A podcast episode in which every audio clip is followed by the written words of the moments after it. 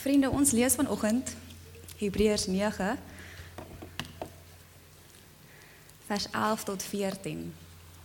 En hierdie keer het ek slim geraak. Die woorde is nou op die projektor agter my.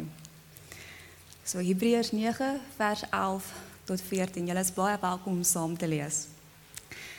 Maar Christus het gekom as hoëpriester van die weldade wat nou verwesenlik is. Hy dien in die verbondstent wat groter en volmaakter is en nie deur mense gemaak is nie. Dit wil sê wat nie tot hierdie wêreld behoort nie. Met sy eie bloed en nie met die van bokke en kalwers nie, het hy net eenmaal die heiligdom binne gegaan en 'n ewige verlossing tot stand gebring. Wanneer die bloed van die bokke en bulle en die as van 'n vers op 'n onreines gesprinkel word, maak dit hulle uiterlik rein Hoeveel te meer sal die bloed van Christus ons gewete bevry van die las van die dade wat tot die dood lei, sodat ons die lewende God kan dien. Hiervoor het Christus immers homself as volkomme offer deur die ewige Gees aan God geoffer.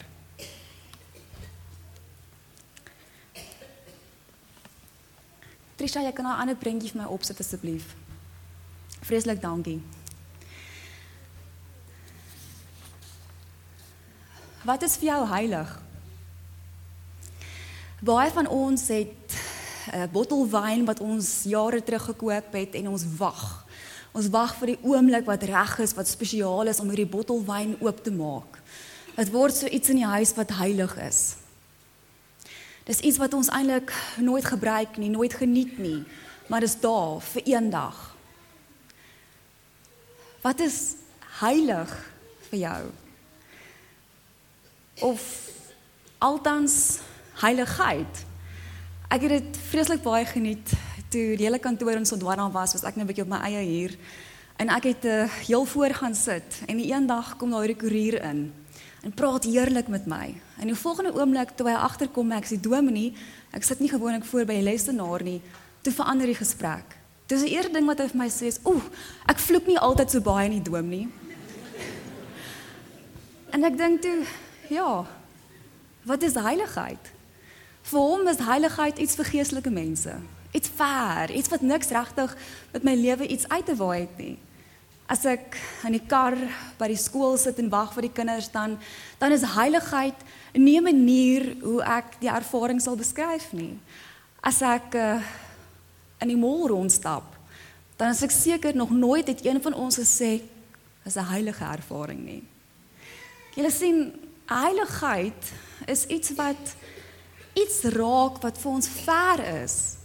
En dis 'n 'n vreemde ding want heiligheid is eintlik iets wat so naby aan ons lewe is. Heiligheid is hierdie gedagte, maar ons is verlos. Ons is vrygemaak. Ons is mense wat anders is en omdat ons anders is, omdat God in ons werk, omdat die Here betrokke is in ons lewens, maak dit dat ons heilig is. Maak dit dat die manier hoe jy in daai kar gaan sit en wag vir jou kind anders is of die manier wat jy by die mall rondloop anders is. Heiligheid is iets wat ons eintlik uitnooi om ons verantwoordelikhede as Christene op te tel. Dis iets wat naby is. Iets wat opwindend is. Daar's hierdie ongelooflike mooi storie van een van die woestynvaders en ek dink julle weet nou al. Die woestynvaders is 'n ding wat gebeur het toe Konstantin keiser word en hy sê nee wag, almal moet nou Christene wees. En die Christene wat daar gelewe het, het gevoel maar ewe skielik is almal om my 'n Christen. En die manier wat hierdie mense om my Christene is, is anders as wat ek is. En hulle was vreeslik ontstel oor hierdie Christendom ewe skielik vervlak het. Dit was ewe skielik iets wat almal net doen om te doen. En dan trek hulle weg van die groot stede en hulle gaan na die woestyn toe. En julle kan julle klaar indink om in die woestyn te lewe het groot uitdagings. Maar daar's hierdie verhaal van 'n vreeslike jong man wat aankom by een van hierdie gemeenskappe. En dan stap hy so in en hy sien maar almal is besig om te werk. En dan gaan hy na een van die monnike toe en sê, hm, "Nou, wat gaan hier aan? Julle is almal besig om te werk en ek dink ons moet bid." En die monnik glimlag en sê: "Nee, dis reg. Weet jy, daar bo is 'n grot. Dis baie stil. Jy kan absoluut afgesonder wees." En die jong man sê vreeslik dankie. En hy gaan in sy grot en hy bid en hy bid en hy bid en dis 'n fantastiese gebedsessie. Maar hier so in die aand se tyd begin sy maag te grom. Jo, en hy kan dit nie meer uithou nie en hy dink maar niemand bring vir my net 'n bord kos nie. En na so rukkie wat die eerste maagkrampe kom, besluit hy nee wag. Hy gaan uit. En toe hy uitkom, sien hy maar al hierdie mense sit saam en eet. En hy stap so nader aan die monnik en vra maar, "Hoe was my kos?" En die monnik sê, "Sjoe, weet jy, ons is net aangeneem dat jy so heilig is, dat jy so geestelik is dat jy nie kos nodig het nie." En die jong man kyk so en die monnik sê, "Maar onthou, ons ons raak honger en daarom werk ons." En dan besef die jong man sy fout.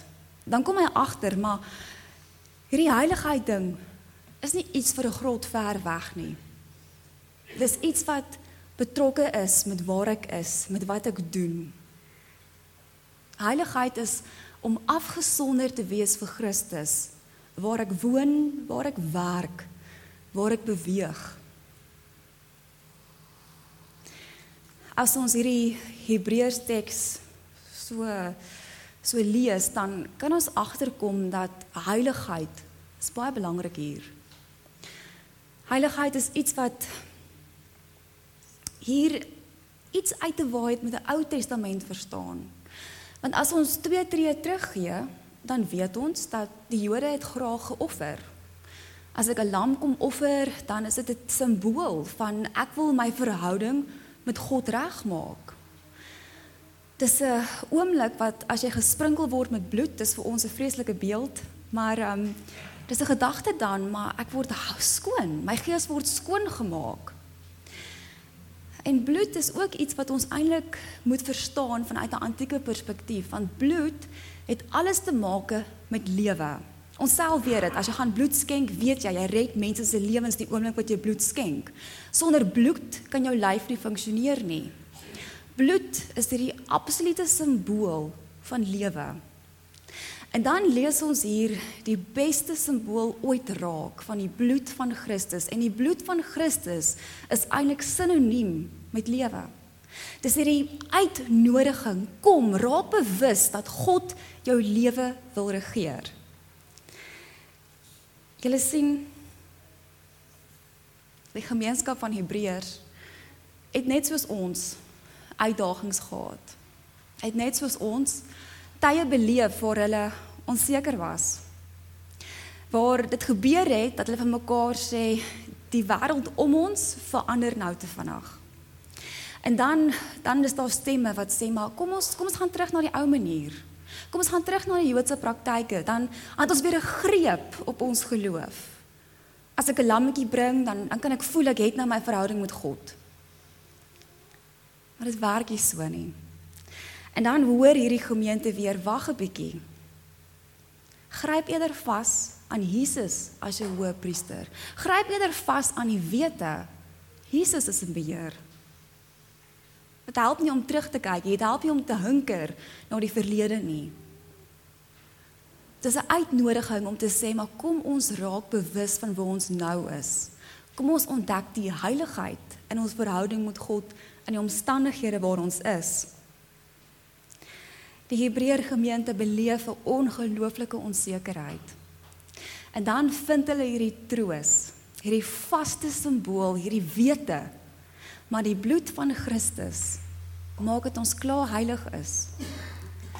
En dan gebeur daar iets ongelooflik mooi. Die spasie begin draai. Die gemeente raak kom agter, raak bewus dat ek ek is heilig. En die feit dat ek heilig is, maak dat wanneer ek hier by hierdie vier mure uitstap, die kerk saam met my stap. Dit maak dat waar ek gaan, is ek eintlik 'n ambassadeur vir Christus. Dit maak dit hoe ek praat en wat ek doen. Nie anders kan as om anders te wees nie. Want iets iets van my binneste, iets van my wese is gevul met die kragtige werking van die Heilige Gees. Ons kan nie anders as om diep geraak te wees deur die kruis gebeure nie. Ons kan nie anders as om te weet dat die bloed van Christus maak dat ons toegang het tot God. Ons het nie rituele nodig nie. Ons het nie vreemde gebruike nodig nie. Ons het nie nodig om in ons lewens onrealistiese stellings te maak nie. Ek dink julle elkeen weet dit. Ons het baie keer hierdie geneigtheid om vir mekaar te sê, "Oeg, ek moet harder probeer. Ek moet meer perfek raak in my geloof." Is onmoontlik. Dis juis nie waarna toe God ons uitnooi nie. Die gedagte eerder is in jou gebrokenheid, in jou seer, in die plekke waar jy ongemaklik is. Daar, daar is dit ook heilig. Daar is God ook besig om te werk en daar is God ook besig om jou uit te nooi om te weet maar wag. Ek is iemand wat afgesonder is vir God.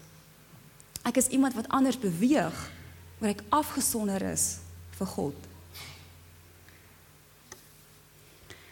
Ons is klaar mense wat uitgenooi word om deel te neem aan die koninkryk van God.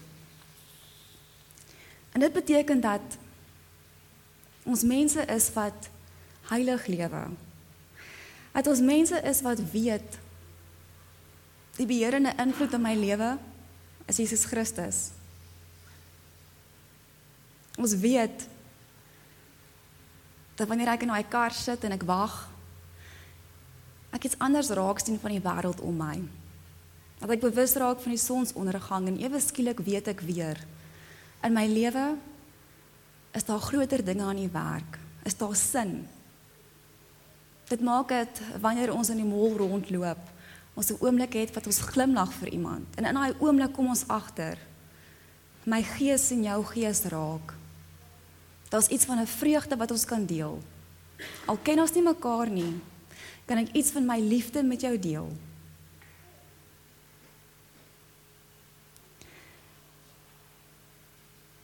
Ons het die ongelooflike voorreg om saam 'n gemeenskap van gelowiges te wees.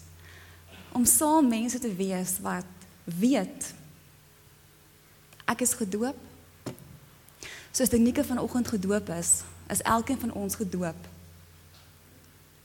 En dit maak dit ons kan vashou aan Jesus Christus. Dat ons hierdie ongelooflike troos kan vind in die wete dat my lewe vorm deel van God se plan en drome. Dat dit heilig is. Kom ons word 'n oomblik stil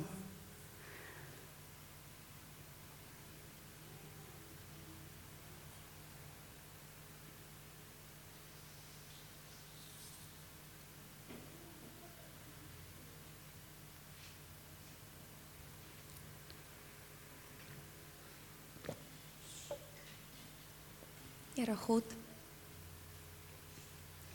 Partykeer dink ons in terme van heiligheid en geestelikheid soos 'n jong man.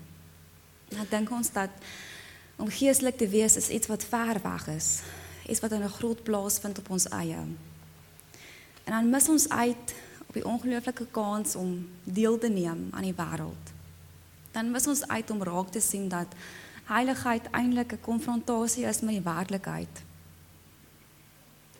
dat die gemeente van ouds net soos ons tye beleef van onsekerheid, tye beleef waar dinge vinnig verander. En deur dit ook met hulle self navigeer. En dat U ons troos, dat U ons toegetroos het en ons steeds troos met die wete dat U ons omvou met die liefde, dat U ons omvou met die lewe. Dat die bloed van Christus maak dat ons heilig is